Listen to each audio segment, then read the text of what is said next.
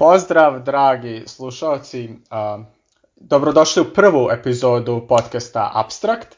I ja sam Jovan, a sa mnom je moj co-host Stefan. Stefane, hoćeš ti nam reći zašto smo se ti i ja danas ovde našli i koja je ideja našeg podcasta?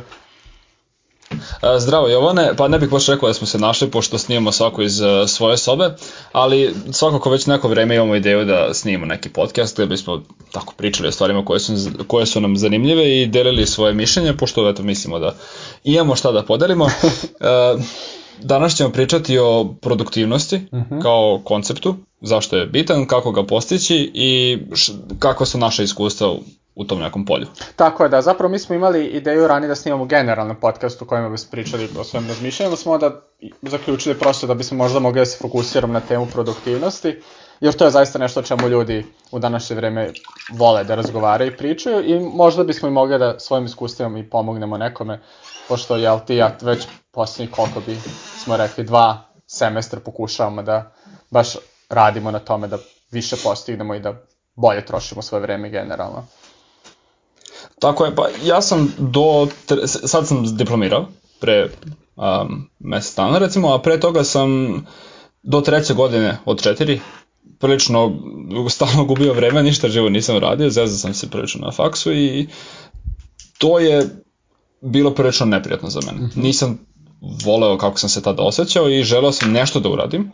Tada sam počeo i da radim pola radnog vremena i to me nateralo da, uh, pošto sam radio dve tako velike obaveze paralelno sa studijama, uh, u isto vreme, da se malko bolje organizujem i to je bio neki, ajde da kažem, uh, korak koji me pomerio napred i u poslednjem semestru sam nadoknadio sve te nedostatke i nisam siguran da li sam skupio 75 ili 81 bod oh, wow, wow. za, za bolonsko studiranje. Prilično impresivno, Stefane, to je baš, baš impresivno, znači što u suštini si radio godinu i po za jednu godinu fakulteta, uključujući, jel, i mast, ovaj, bachelor rad.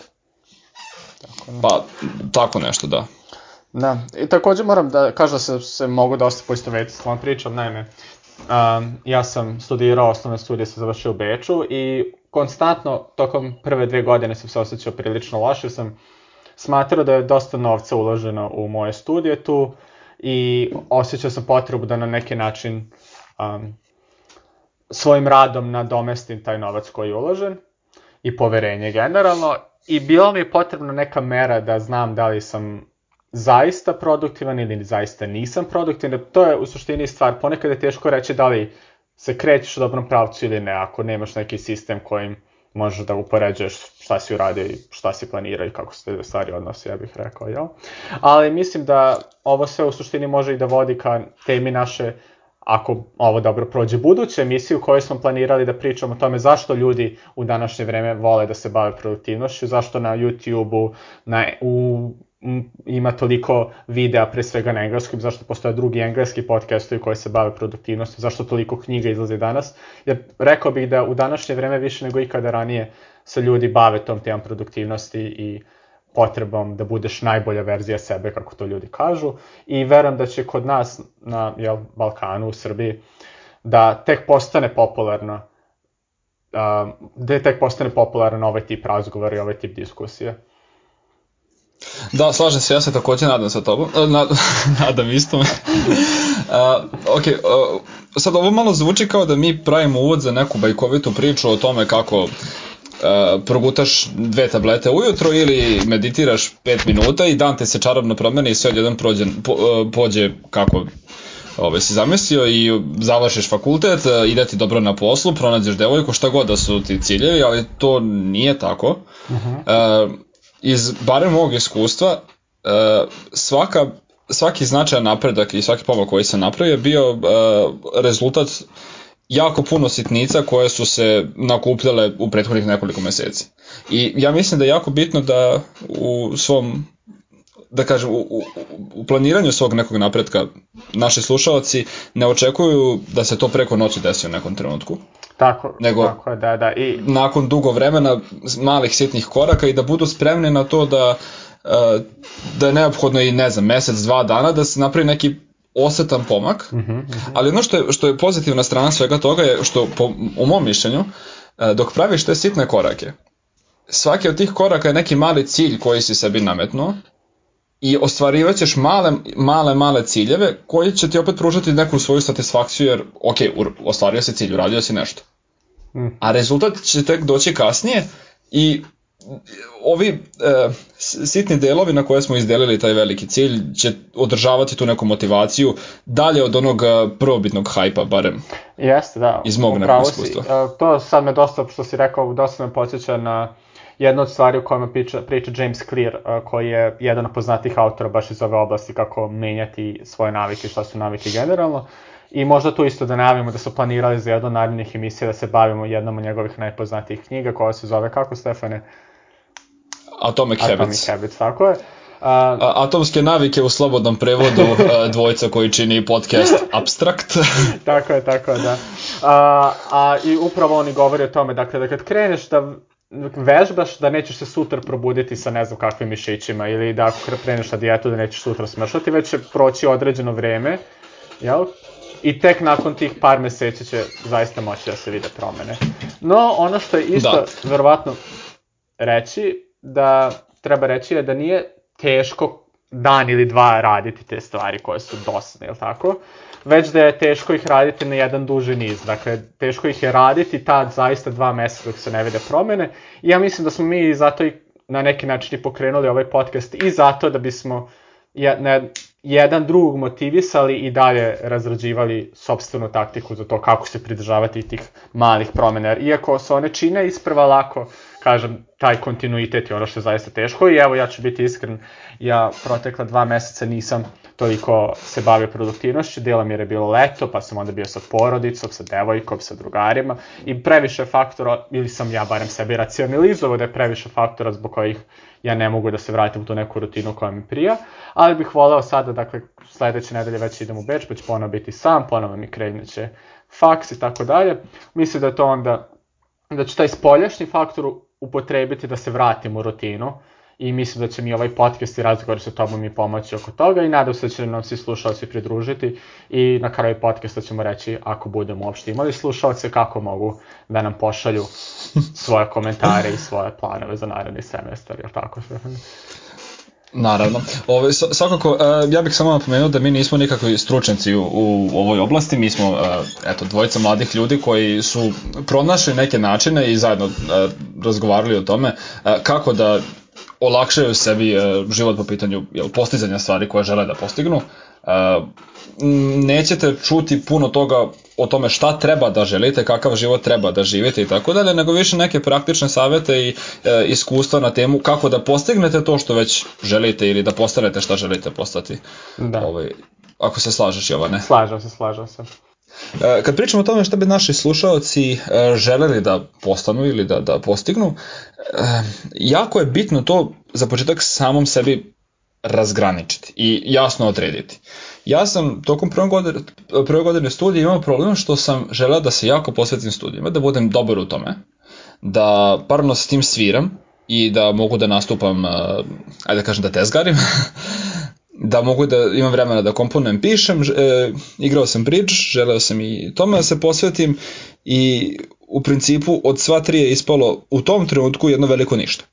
I ni u jednoj od te tri oblasti nisam uspio da ostvarim neki veliki napredak i mislim da je jako bitno kroz razgovore sa drugim ljudima ili prosto kroz neku e, analizu samoga sebe e, odlučiti, opredeliti se za nešto čemu bi, biste želeli da se posvetite. Mm -hmm. A, dobro, to, to, se, sad to mi je interesantno pitanje. Stefan, da li ti onda i sada stiž da se baviš bridžom ili si morao sve jednostavno da staviš iza studija, pošto kaže da si postigao 80 pojena za jednu godinu?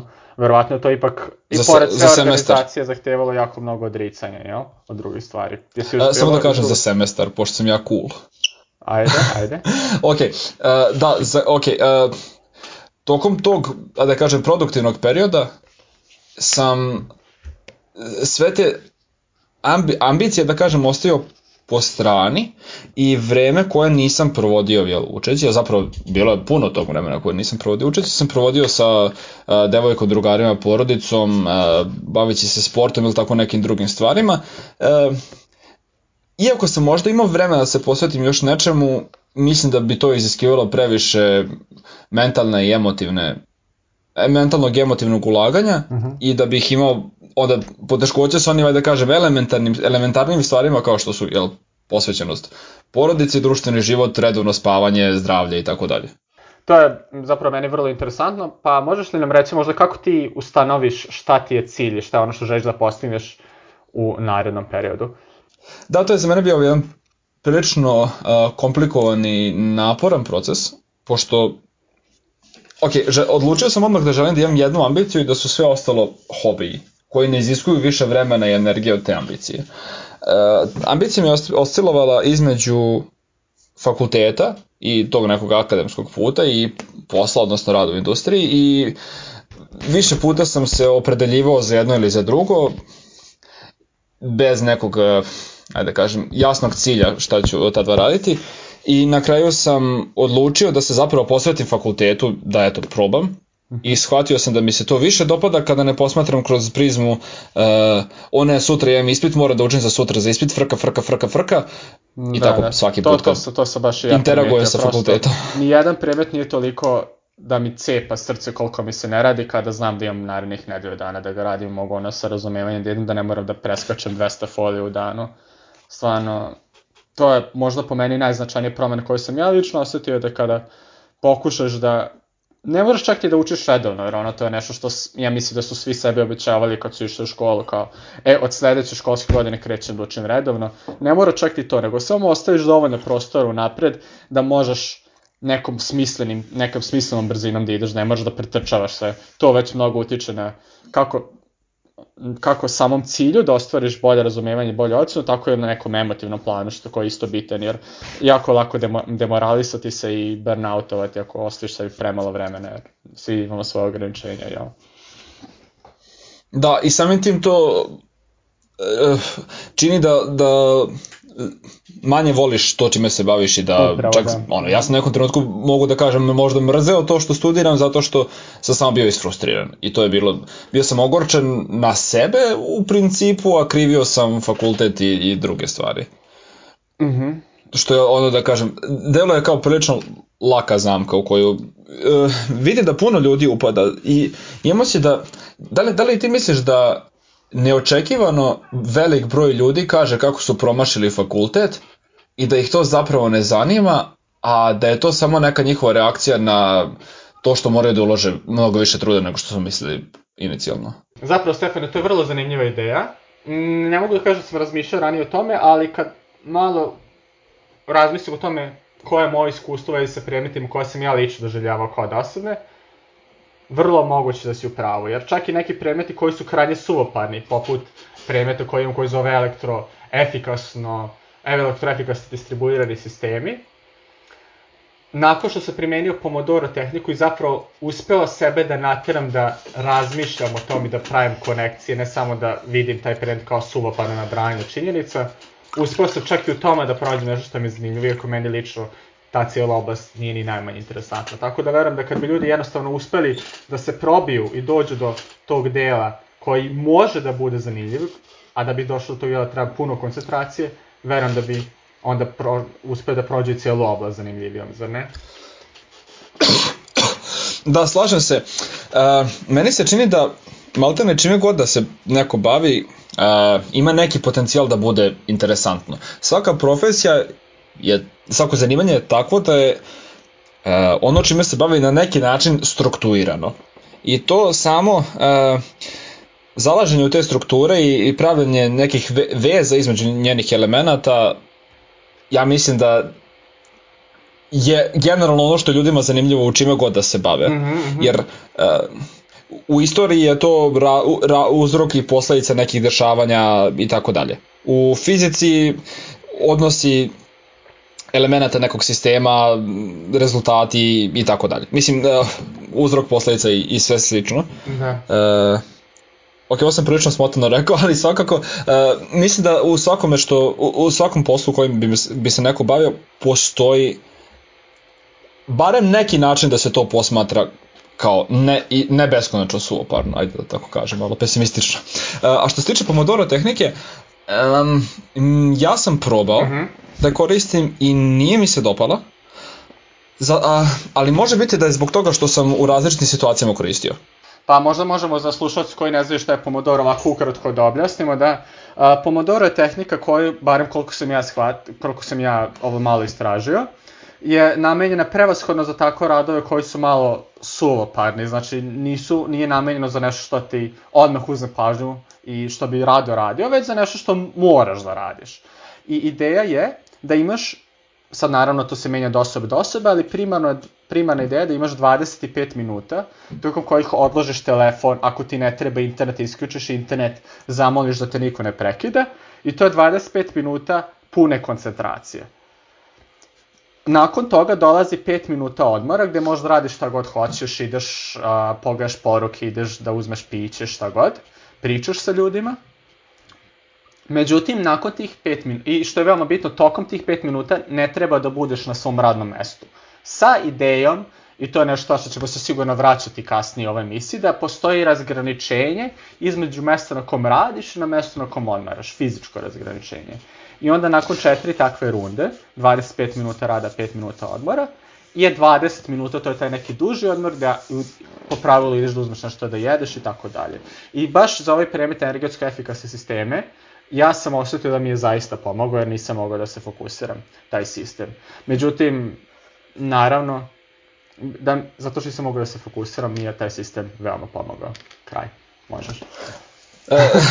da, pa ja mislim da je ajde da kažem da nije nužno tehnika kriva za to što se što meni nije išlo od ruke da je primenim, pošto uh, ja, pošto, kao što sam rekao, studiram fiziku i te stvari su uh, imamo se da je gradivo podeljeno u mnogo veće celine i da ja kad se skoncentrišem da su mi te seanse koncentracije kako sam glupo reći iskoristio, ali te, ti periode koncentracije duži od 25 minuta i da ako mi treba, ne znam, 10-15 minuta da skroz uđem u, u, u štos, mm -hmm.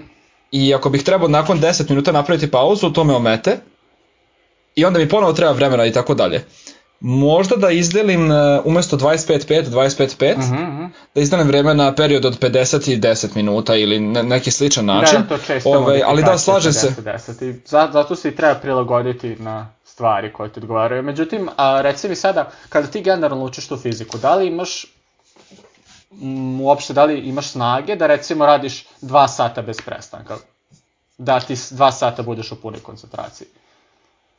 Uh, uglavnom ne. Uh mhm. -huh. Uglavnom mi je potrebno da, ili ne znam, odem da uh, se prošetam po kući gde sam, gde učim, odem do WC-a da se umijem, da odem da pijem vode, šta god, ok, zapravo, ajde, pije, pije vodu stalno, imaju to kod sebe, ali e, napravim neku pauzu, makar na par minuta čisto da ne razmišljam ni o čemu, i tokom tih par minuta mi više prija da, tako, pustim mozak na pašu, nego da se posvetim nečeme drugom kao što su poruke, da lupam, gledam nešto na YouTube-u i tako dalje.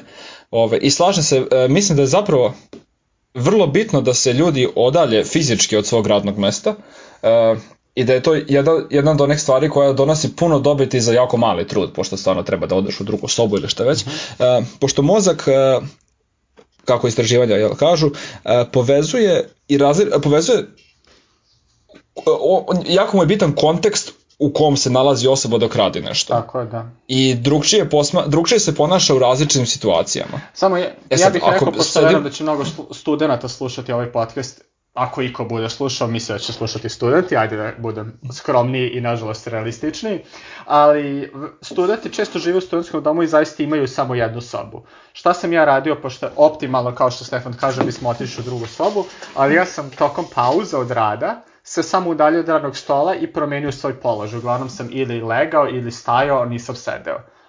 To je, ja mislim, manje optimalno, ali opet više pomaže nego što bi bilo da smo zaista ostali na stolu i... Jer onda prosto nema tog razgraničenja.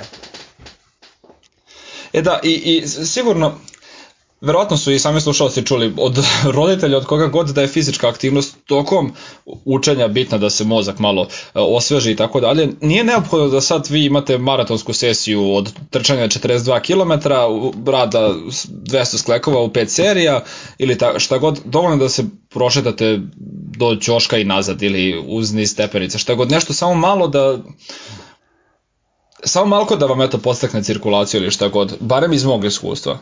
Da, slažem se, slažem se. Ovaj, ako bih tokom pauze imao eto par minuta, uradio bih neke, neku jednostavnu seriju vežbi čisto da se eto malo zagrajem i fizički.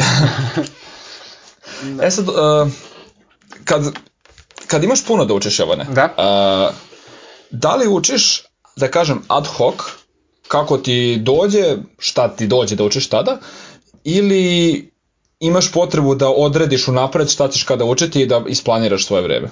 A, iskreno, na ovo pitanje ne mogu da dam jedan odgovor, jer iako, mi se, iako bih rekao da je druga taktika mnogo bolja kad unapred odradiš, a, ja lično sam primetio da mnogo zavisi šta od perioda, od toga što imam za učenje, šta mi je pogodnije. Jer ponekad stvarno imam period, ja, kako mi se uči ovaj predmet, mnogo više nego ovaj, da li onda ima smisla ići protiv tog osjećanja, nisam siguran, ja iskreno nisam, išao ga sada zaista učio taj drugi predmet. I onda se kasnije vratim na taj Ono što te više zanima. Što me više zanima, da. Tako da, iako mm. verujem da bi druga tehnika bila bolja, ja vrlo često učim ad hoc, jer prosto osjećam da ako mislim da ću ovde biti produktivniji, zašto onda se borim protiv tog osjećanja? Naravno, prvo preduslovom da ne moram baš hitno da završavam taj drugi predmet. I mislim da... Da, da izvini, možda naći. Uh, da, a tamo dok radiš to, tu drugu stvar koju svako treba da radiš, ono, osjećaš se produktivno i vjerojatno, ajde da kažem, bežiš od onog težeg posla bez griže savesti pošto radiš neki, ajde, lakši, ali dalje obavezan posao. Da, upravo si Stefane, mm, ali mislim da i pored toga što ja radim tako često ad hoc, što ti kažeš, a, mislim da je bitno imati dobar pregled stvari. I tokom semestra sam a, ustalio jedan vid praćenja navika, što bi se na engleskom rekao habits tracking ili time management, to je kontrolu vremena, u vidu jedne Excel tabele gde imam različite kategorije aktivnosti, kao što su recimo učenje, ono što zaista moram da učim, učenje ne moram zaista da učiti, na primjer odem na kurseru i uradim kurs koji me interesuje za Python, što istini za ne dešava se pretao često se desilo par puta. Um, I tako, onda potpuno gubljenje vremena je nešto što to se trudim da minimalizujem i takođe imam kategorije za neizbežne stvari kao što su uh, obaveze po kući, jelo, pripremanje jela i tako dalje. I uh, tu tabelu sam uh, ge, uh, preuzeo od jednog youtubera koji se zove Coffee Break i onda je prilagodio svojim potrebama. U uh, beleškama ovog podcasta ja ću ostaviti link za taj YouTube video kako bi i drugi ljudi mogli da pogledaju jer kažemo odatle je potekla moja tabela, ali ću i ostaviti jedan primer tabele koja se dakle u Excel bazirana i ima makro a, makro komande koje pomažu da se automatski obeleži koliko vremena je prote, koliko procenata je otišlo na šta u jednom danu, da bi ljudi videli do koje mere te tabele mogu da se prilagodi i promene svojim svojim ličnim potrebama i iskustvima. Pošto mislim da za sve ovo što mi pričamo je suština upravo tome, ne da kopiraš, mislim da i ne možeš da kopiraš jer ovo je vrlo abstraktno na neki način na koji pričamo, jer bi inače bilo malo primenljivo, već da prilagodiš neke ideje koje su drugi ljudi imali i shvatili da rade na svoje potrebe i na svoj život.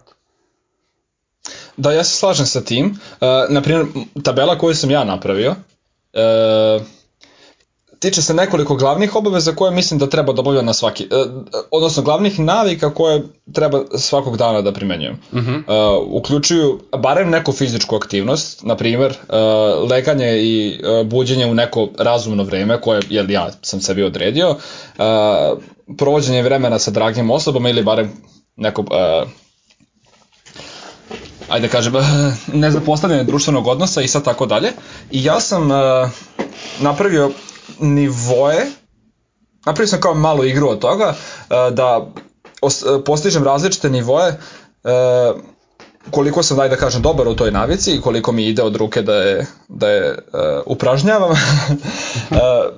na osnovu maksimalnog broja, ukupnog broja dana koliko sam to radio i najvećeg uzastopnog.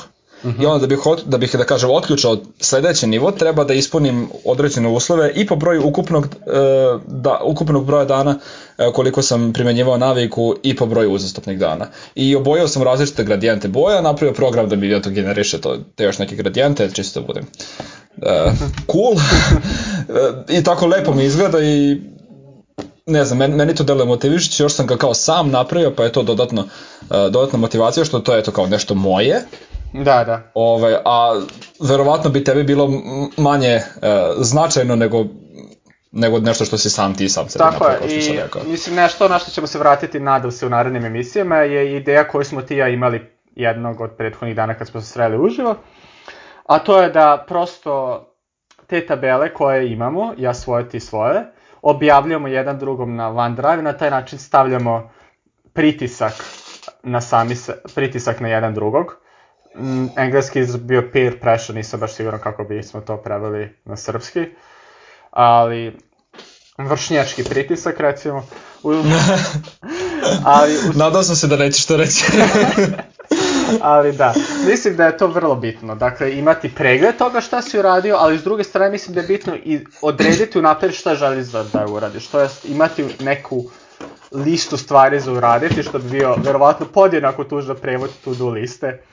Ali a, ja sam iskreno pronašao da mi, ja sam iskreno otkrio da mi mnogo znači i to je nešto što mi prilično dosta jedva čekam da se vratim u taj sistem da prethodnog dana napravim plan za ceo naredni dan, što je vrlo teško kada nisi sami, kada imaš mnogo ljudi s kojima treba da se vidiš i kad planovi generalno nisu toliko fiksni, ali kad si u nekom primarno radnom, od drugih. Upravo, i kada, ali kad si sami u primarno radnom okruženju kao što je, ne znam, ispitni rok, onda vrlo mi pomaže da znam, ok, od tog do tog vremena radim ovo, na tom i tom mestu, i pritom odeću za naredni dan ću pripremiti unapred i tako dalje. Onda kada treba da uzmem, uh, to sam isto primenio, znači uzimam lek za alergiju, da nikad ne zaboravim, onda uveče stavim već u kupatilo jednu tabletu leka i tako dalje. I prosto onda kad se probudim, već imaš stazu napravljenu ispred sebe, i onda samo pratiš tu stani, stazu i krenuo si produktivan dan. I onda cijelog narednog dana si idealno, to jest u najboljem slučaju, već na tom nekom, da kažemo, jel, talasu tog produktivnog jutra. Tako da, to je nešto što... E da, ja se potpuno slažem sa tobom. E, meni izuzetno odgovara da e, svako veče pripremim plan za sutradan. Iako me tad mrzi, to je jako kratak posao mm -hmm. i priprema stvari za, za ujutro i, za, i planiranje sutrašnjeg dana je relativno kratak posao zaista, e, a toliko olakša sutra. M što olakša, M što nekako te uvede, kao što si ti rekao, e, na, na taj put produkt, produktivnog dana i motiviše te prosto, sam ćeš, sam ćeš to raditi, čini odupiranje iskušenjima mnogo lakše. Mm -hmm. I onda to je, ajde da kažem, jako, e, jako puno dobiti za neku malu žrtvu po meni. I ovaj, da, za, uh, apsolutno se slažem, pošto smo napravili taj dogovor in the first place, što bi rekli uh, englezi, da je potrebno imati nekoga, ajde da kažem, sa kim ćeš se kontrolisati uh, po pitanju ispunjavanja dnevnih navika, da ne kažem obaveza, prosto pošto ćeš sam želeti da, iz, da ajde da kažem, izbegneš grižu savesti i pravdanje tom svom partneru, uh, a opet, ako ti je to neka, neka draga osoba, pogotovo kao drugar, devojka ili tako neko, sa kim uh, čije te zvocanje neće smarati, nego ćeš odlučiti da or, izbegneš to da ne bi razočarao tu osobu, verujem da ajde, sve, sve ume da gnjavi kada roditelji dođu i, i uh, drobe kako nešto nismo uradili. Mm -hmm. Ovaj, da, mislim, mislim da je to isto jedna od onih e, puno dobiti malo truda stvari. E, samo što se tiče, e, kad smo već kod planiranja, pre nego što pređemo na nešto dalje, da se zadržim i na e, planiranju samog učenja. E, imao sam nekoliko perioda kada s, sam imao, na primjer, tri nedelje da spremim tri ispita, a svaki od tih ispita je jako zahtevan. I ako bih radio, ako bih spremao svaki ispit nedelju dana, prve nedelje spremim jedan ispit, druge nedelje drugi, treće nedelje treći, prvi sam već u nekoj meri zaboravio, mm -hmm. ne kao da, da sam bacio to znanje skroz, pošto kao učim sa razumevanjem i tako dalje, trudim se da to radim, uh, nego prosto treba, morao bih da se podsjećam svega i deluje mi prilično neefikasno. Tada sam odlučio da učim neke stvari paralelno, mm -hmm što je s jedne strane dobro, da, jer ako ti dosadi jedan predmet, učiš drugi, mm kad ti on dosadi učiš prvi, tako malo žogleraš između i to zapravo preporučuju i profesori sa kojima sam razgovarao na tu temu, što je, i, i, moja poenta je da ja tu sam napravio neki jednostavan plan kako će stvari, kako ću učiti predmete i iz toga sam prešao iz o moj bože kako ću ovo naučiti, ovo nema smisla, ovo neću stići i zaboravit ću i mogu da odmah sve, da, sve, sve je propalo, sam prešao u neko, aha, ok, imam plan i ovo će, ovo će raditi. Mm -hmm prosto zato što sam jel, omogućio da to radi promenom tog plana i tako neka analiza e, je jako bitna da se uradi. E, Ili, e, dru... Samo da kažem da je to meni baš jako zanimljivo jer se nalazim u identičnoj situaciji, dakle za naredne dve i po nedelje imam tri ispita i baš sam se našao u situaciji koji ti i prva, prva nekako zamisla prirodno ti dođe da prvo učiš predmet koji je prvi među ta tri, bez obzira što je razlika dva dana. Međutim, ubrzo sam skontao da je mnogo bolje da radiš paralelno, baš zato što ne, ne da bih zaboravio toliko, nego zato što je nekako dinamičnije, zabavnije. Ok, sad ću raditi ovaj premet i sad umesto da krenem novi set slajdova od po 120 slajdova, kreće nešto potpuno drugo i onda mi je zanimljivo. Tako da, mislim da i to dodatni bonus, ja? Tako da, da. Uh, pa da, dinamičnije je baš dobra reč, dopada mi se kako ste rekao. A drugi primer, uh, imao sam neki, jedan, uh, jedan ispit da spremim za nedelju dana, a taj ispit je bio izuzetno obiman. I tu nuklearnu fiziku sam izdelio na pet celina, ako se dobro sećam. Da. Svaka je imala oko nekih, ne znam, 60 strana i conveniently, da se izrazim na srpskom, stari srpski izraz, uh, su poglave već bila tako podeljena nekako da uh, sam mogao da ih grupišem u jednake celine. Uh, I isplanirao sam svaki dan da po svaku cenu, makar, ajde, ako, makar preko volje, da pređem to što sam za taj dan zacrtao. Mm -hmm. Da li to znači da recimo Sutra se te nešto baš sprečilo i da možeš da učiš tek u pola devet? Da li bi zaista krenuo da učiš u pola devet ili bi ostao za sutra duplo? Uh, krenuo bih da učim u pola devet i dao bih sve od sebe da pređem, makar da, da nije baš skroz ko svet, ali da pređem jednom mm -hmm.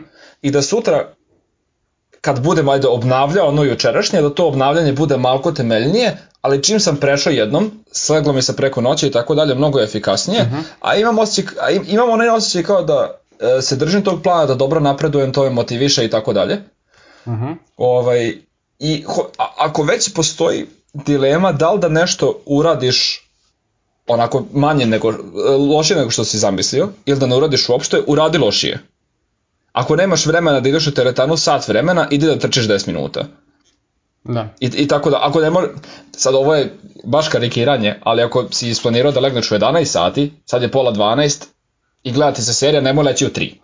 Lezi u pola 12 ili 12, da, da, to, što htio pitati, zato što evo recimo, možemo onda da se nađemo u situaciji, došao si u pola 9, znaš da ti treba recimo 3 sata da završiš to što si planirao, a, mora, a imaš sebi, zadao si sebi takođe cilj da ustaješ u 7 ujutru, znači možeš da legneš u 11 u tom slučaju kažeš uradio bi to što treba, makar radio brže i manje kvalitetno, ali da prođeš, jel? Da ne bude 3 sata, nego da bude koliko, 2 i po, jel?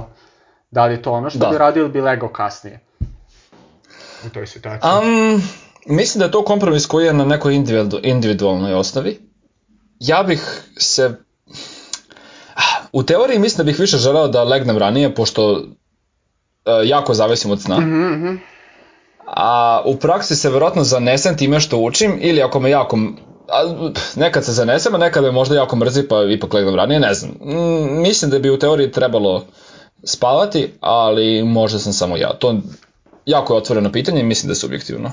To, onda si ti to vrlo dobro hendlovao, Stefane. Ono što se meni dešavalo u prvoj i drugoj godini nareču, to bit ću iskren, dešava mi se i sada ponekad, je da kad imam puno obaveza i puno vremena, nekako se osjećam overwhelmed a, to jest kao da ima previše da ne znam ni odakle da krenem. I onda u tim slučajima ponekad odem na YouTube, pre sam išao na internet, u Facebook i Twitter, i generalno tako stvari koje ti utrne mozak i samim tim osjećaj za brigu. I mislim da je to najopasnija stvar ikada, zato što ubiješ osjećaj neproduktivnosti, ubiješ osjećaj gubljenja vremena, ne osjećaš se krivim, ali onda kad jednom neminovno makar u jednom ujutru prestaješ da ideš na internet, tada te krene osjećaj, uh, osjećaj krivice i brige i panike skoro.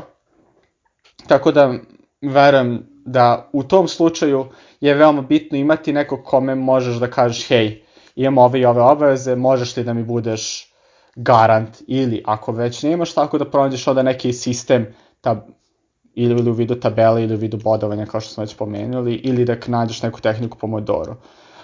na primjer. Ali je vrlo bitno E, izaći da, iz ja tog mislim- vrlo, vrlo opasnog i vrlo primamljivog na neki način kruga, a to je taj krug a, trnjenja i zataškavanja emocija u vezi sa obavezama koje imaš, a to se najčešće baš javlja tako da imaš jako puno obaveza i relativno puno vremena, jer ne znaš odakle da kreneš i ne deluje toliko strašno da odeš na Facebook, jel? E, da, ja se jako slažem. Um, men, meni je nekoliko puta baš bilo ključno što sam zamolio nekoga za pomoć. U smislu, e, poteraj me ranije na spavanje. Ja bih rado ostao gledao uh, koješta na YouTube-u, uh, igrao se, da, šta god radio, do kasno ujutro, mislim rano ujutro, i onda uh, posle toga bih se osetio loše i sutra, sutra se ne bih raspavao, bio bih nikakav, bio bih nervozan, mm -hmm. nije mi, ne bi mi ništa išlo i tako dalje.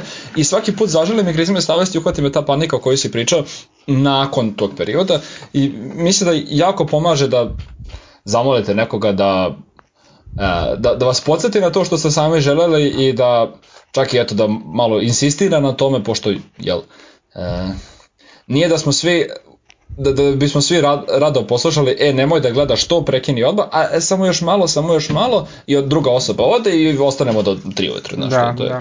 nešto što bismo svi vjerojatno raditi. E, kad smo kod tog ustajanja i leganja, uh, šta ti misliš o tome? Rano ustajanje i leganje ili samo konsistentno ustajanje i leganje? E, pa da kažem, dakle, ti i ja imamo jednog prijatelja koji studira na Cambridgeu i ja i mislim da bismo složili da je definitivno jedna od najuspešnijih osoba koje poznajemo. I on uvek Da, da, da, ustaje definitivno. tako u jedan, pola dva posle podne i onda ostaje budan do recimo pet ujutru, koliko sam ja razumeo. Međutim, očito njemu uspeva. I mi, mislim da je tu mnogo, što se tiče ustaanja i rezanja, mnogo važnija konzistentnost, da svakog dana otprilike više manje isto vreme ustaješ, nego što je bitno, bitno ustati ujutru. Jer postoje zaista ljudi, mislim da sam donekle ja jedan od njih, kojima prija da ustanu ujutru i da a, urade mnogo pre nego što se većina ljudi probudi. Mislim da je to na neki način motivacija. Ali... Da, men, meni je isto uh, lična preferencija, da kažem, uh, motivacija. Mhm. Prija mi kad rano ustanem, e, ne volim kad kasno ustanem, bez nekog objašnjenja. Da. Kad ustanem rano, da li je do prirodnog bioritma, do položaja sunca i koje čega, atmosferskog pritiska, ali osjećam se da svežije, motivisanije, kao da mi više radi Naravno, nisi se adrenalin. baš i dobro izrazio, nije toliko bitno u, da smo ustali pre drugih ljudi, koliko je bitno, zapravo to nije uopšte bitno, ono što je zaista bitno da na neki način krenemo sam dan na vrlo produktivan način. I većina ljudi ima negde podsvesno taj mehanizam, ustao sam rano, krenuo sam odmah da radim, kao dobar početak dana. I onda ako imamo dobar početak dana, lakše imati dobar ostatak dana, nego ako ujutru ustanemo i dva sata vrtimo slike na Facebooku, gledamo YouTube ili šta god. Onda možemo biti u fazonu, ah, prošlo je već pola dana, mogu onda da i ostatak dana odradim opušteno. Lakše je racionalizovati ostatak dana ako je početak dana loš. Ali primetit ćeš da sam rekao početak dana, a ne jutro. I to me vraća na tu pointu. Bitno je da je početak dana dobar, ma kada početak dana bio, sve dok je u isto vreme. Mm, ali znaš kad smo pričali da mozak, ono, o kontekstima u kojima provodimo vreme, konkretno smo za mesta pričali, mm -hmm. što kažeš na ovo, ako bismo ti ja uglavnom ustajali u 10 sati, ustanemo u 6, pola 7, 7, mm -hmm. to nas stavlja u kontekst, aha, ustali smo rano, zašto? Da bismo radili nešto. Da li misliš da bi to moglo da pozitivno utiče na ono, mozak i kako bismo uh, provodili vreme?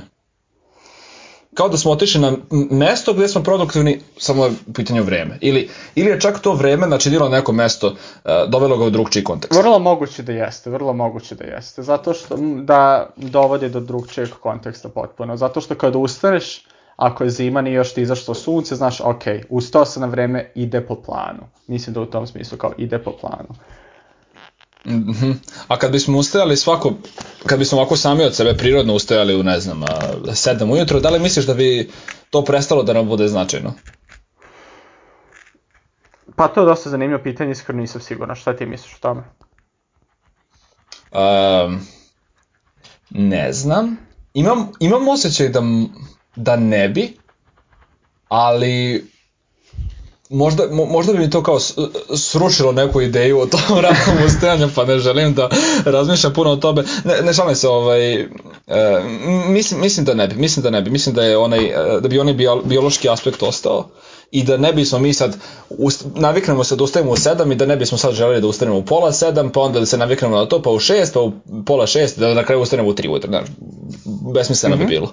Ove, e, ka, kad smo kod toga, e, sam sam sebi slučajno dao dobar šlagvort, e, ja sam imao nekoliko problema sa uspostavljanjem novih navika, da kada sam nakon samo nekoliko dana primenjivanja tih navika osetio sam se kao da uh, sam, ajde da kažem, to donekle savladao i da treba nešto novo da uradim, da, da treba nešto da uradim na sebi. Uh, da poradim na sebi. I to bi sad odlazilo u drugi ekstrem, gde sam ja, kao što sam sad ispričao, opet želeo da još ranije ustajem, da neke stvari još dinamičnije radim i tako dalje, jer ako bih, da kažem, stagnirao u tome, osjećao bih da ne napredujem, jel? Uh -huh.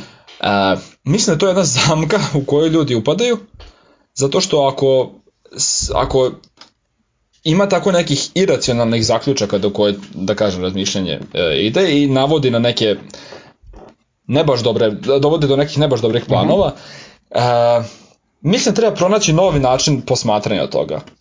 I sad, ja još nisam pronašao način da izbegnem da se da, da izbegnem da poželim tako nešto da kažem glupo ali sam samo svaki put objasnio sebi da to ne treba da radim i da ovaj i da da eto sam umislio da je to dobra ideja da zapravo nije i uradio sam ono što smatram pametnim, ali ovaj, i dalje taj osjećaj mi stvara problem. I s timo tako nekad iskustvo? Pa, jesam, ali to me dovodi do nečega što, čemu smo se ti ja već ne složili u prošlosti, ali možda je bilo zanimljivo sad za emisiju, a to je tema hladnog tuširanja. Naime, ti si neko misli da hladan tuš zaista može da pomogne produktivnosti. Jel tako? Možeš ti reći zašto ti radiš, zašto voliš da se tušaš hladnom vodom? Uh, ok, za početak, uh, fizički mi prija. Kad je vruće na polju, osveži me. Mm -hmm. uh, kad sam umoran, razbudi me. Kad vežbam, uh, opet razbudi me, opusti me od napetosti svega toga. E, istina kada je jako hladno na polju i probudim se i smrzavam se već, ok, odem zagrejem se vodom, ali za, e, završim tuširanje s hladnom vodom, što je donekle onaj, e, sada da kažem, mentalni aspekt toga, gde ako počnem dan tuširanjem i počnem dan sa nečim neprijatnim, kao što je e, to tuširanje, i prevaziđem tu neprijatnost lako, kao da me osnaži, e, ok, ne mogu, hm, nisam siguran koji je najbolji način da to opišem, ali kao da, da ti da neki confidence boost, o, o, nalet samo, ne samo pouzdanje, nužno, ali nalet nečega, jel? Uh, ok, uspeo si to da uradiš, izdržao si to, uh, nije ti toliko prijalo, ali šta je sve onda ostalo, znaš, o, ostale probleme uh, čini manjim.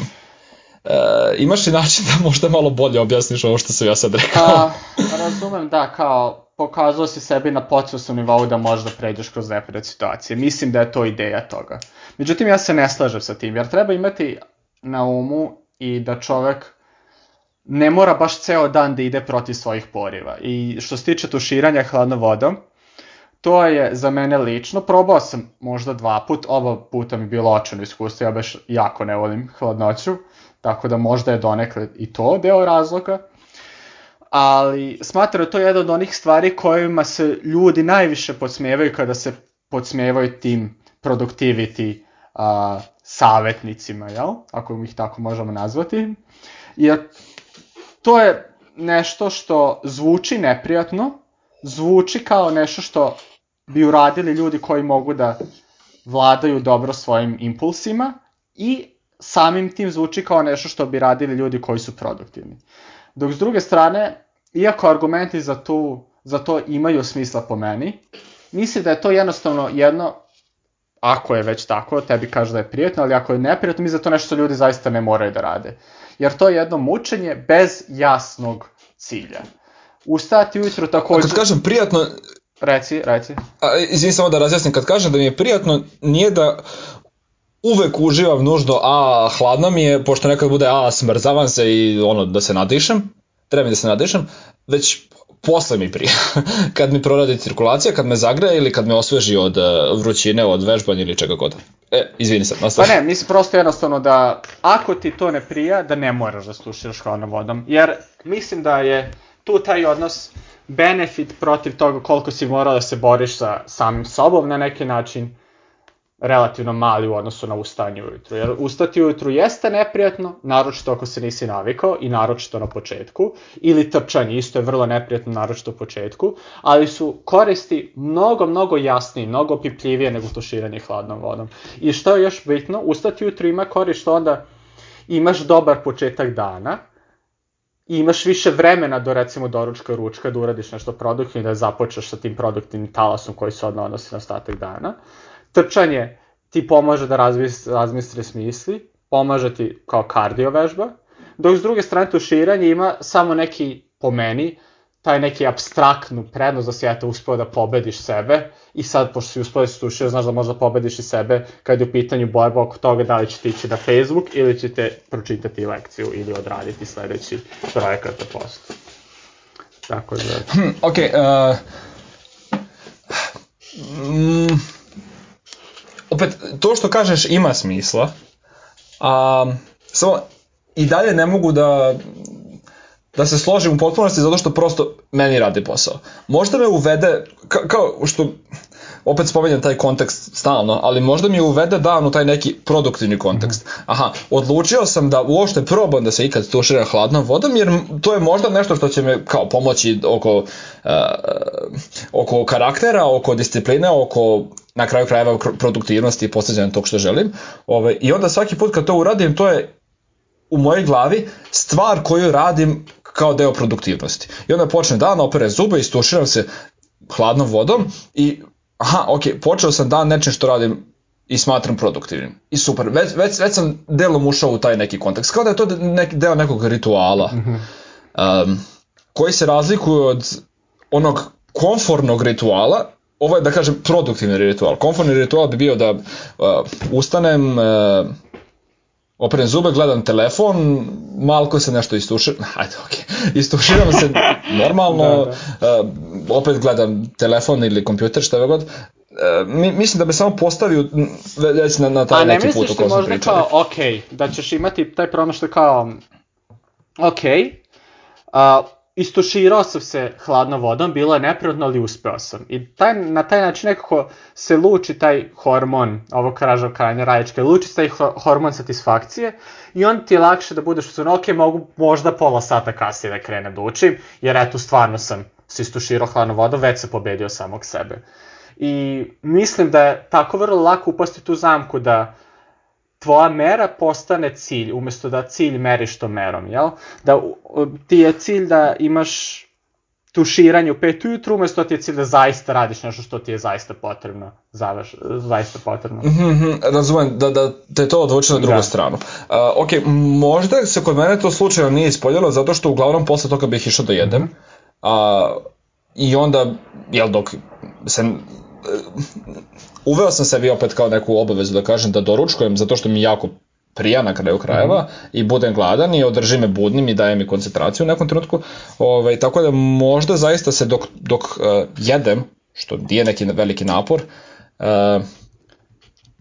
odmorim da kažem od tog mentalnog napora uh, tuširanja hladnom vodom, tako da možda zato ne upadnem u to što, u to što kažeš, ali uh, da, apsolutno ima smisla i mislim da je to samo još jedan uh, da kažem, još, još jedna stvar po koje, koju naši slušalci treba da e, prilagode sebi. Ako vam pomogne nakon eto, pet, tri dana zaredom se tuširate ujutro hladnom vodom ili kad god se tuširate da bude hladnom vodom, ako vam pomogne, nastavite. Ako ne pomogne, nemojte. Mislim da, da treba da, da se tako tumači. E, dobro, ovo priča sa tuširanjem i svim ti nam je oduzela puno vremena, tako da e, sad ću da te na brzinu ispitamo nekim pitanjima. Imaš 20 sekundi da e, odgovoriš, neću te štapovati, ali truji se da bude jako brzo. E, šta misliš o fizičkoj aktivnosti? Mislim da je vrlo bitna i zbog sebe i zbog toga kako utiče na mentalnu, mentalnu sliku. Šta? Slažem se. E, po meni daje koncentracije, daje kondicije i fizički i uh, za učenje i koji god rad drugi te treba. I ako hoćete da se bavite fizičkom aktivnošću, uh, i ako vam je teško da se naterate, počnite sa nekim laganim, uh, neka brza jutarnja šetnja ili brza, samo šetnja uopšte je bolje od nerađena ničega. Mm -hmm. To je vrlo, vrlo isto bitno, da. Ne morate ciljati na sat vremena u teretani. Da. To je ono što smo isto pričali o tome što mnogo ljudi bi volili da započnu svoj dan trčanjem, ali trčanje je vrlo neprijatna aktivnost, naročno na početku, i onda je možda ok krenuti sa tim, ok, ustaću i prva stvar koju ću raditi će biti šetnja, ako već ne možemo da se nateramo da trčimo od početka, tako. To je već, to su ti kao malo po malo stavovi koji vode ka nekom napretku. Da li možda da. imaš a, nešto da kažeš o tome kako meditiraš takođe? Uh, ok, ja sam probao nekoliko puta da, da meditiram. Uh mhm. -huh. I u nekim dužim seansama po 7 do 10 minuta i u nekim kraćim I iskreno svaki put mi je bilo samo neko dosadno. Meni nije toliko pomoglo. Možda sam pogrešno radio, planiram da pokušam uh, nakon što negde se raspitam kako ću to da radim, ovaj, ali ne, nije, nije mi toliko mm -hmm. pomoglo. Ti? A, ja sam koristio aplikaciju koja se zove Headspace, koja se vrlo, vrlo mnogo reklamirala po svim drugim aplikacijama koje koristim. I bilo mi je, bio sam relativno motivisan i mesec dana sam ja meditirao, međutim posle sam prestao jer nisam, oč, o, o, o, nisam nikakav a, napredak osetio. Međutim, verujem da je tu možda i došlo do utica, ono što sam mi rekli da se treba čekati dva meseca ili više. Tako da bih volao između ostalog i to da ubacim u svoju rutinu, iako mi nije primarno jedan od glavnih ciljeva. Tako da možda u nekoj od narednih emisija, ne, ne uskoro, ali u jednom trenutku bismo možda mogli ponovo posjetiti ovu temu kad budemo imali više iskustva. Mhm, ok, da se vratimo onom brzom ispitivanju. Uh, čitanje, bitno, nebitno?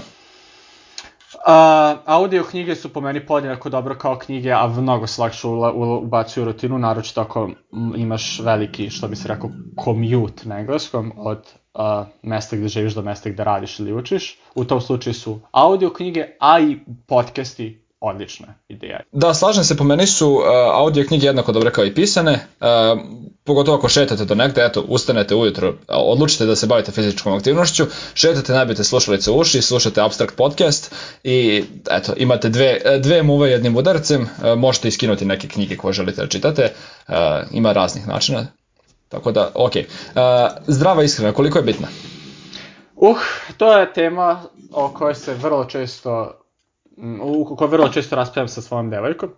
Po meni, ako imamo 20 godina, 24, ja konkretno imam, ili 23, nisam ni sam, sigurno 23 imam, dobre, uh, mislim da ne moramo toliko da vodimo računa o tome da li jedemo kako nalaže ova ili ona piramida, ova ili onaj časopis, ova ili ona knjiga, već je samo bitna količina. Znači ne treba preterivati i treba biti raznoliko, a sad misli da se ne treba preterano baviti, osim ako nemate neko medicinsko stanje, stanje koje to zahteva. Jer iskreno, vrlo je teško tu znati, nutricionizam je daleko od egzakte nauke, jer ne razumemo da on ljudsko telo i iskreno, vrlo sam skeptičan povodom ovih ili onih dijeta i utica koje ove ili one dijete imaju na telu. Mislim, imam osjećaj da se ti nekako nećeš slažeti s ovim mojim odgovorom. A, on, onako, u principu, s jedne strane da, mislim da mi ovako mladi nije bitno šta jako radimo, a s druge strane, mm, možda se ja malo lakše zanesem u neku u jedanju neke hrane koju ne mislim da bi trebalo i onda mi je možda lakše da izbacim u potpunosti ovaj, naprimjer, slatko um, jedem vrlo redko, ovako da kažem prerađene šećere, ali voće jedem svaki dan u ogromnim količinama. I to mi više prija, u smislu kao uh, po, po posledicama, a i ono, ukusno mi jako, nemam problem s tim. Nije da se sad nešto jako satuteram, ovaj, a ono, brzo hranu sam izbacio u potpunosti, jer, što da ne.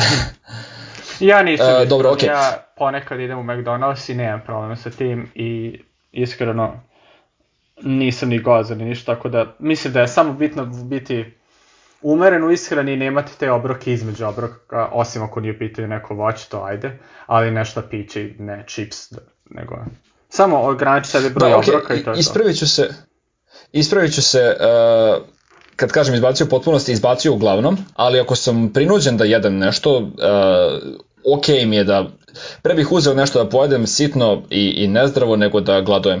Na tu temu, brzo pitanje. E, šta ako ti nešto iskrsne i poremeti ti planove, ne možeš da ispuniš naviku ili plan koji si uh, želeo? to je baš jako teško, uh, jako teško odgovoriti u 20 sekundi i tu bih se samo, eto, kao teaser za ono što ćemo definitivno morati da obradimo u neko narednih emisije mnogo detaljnije.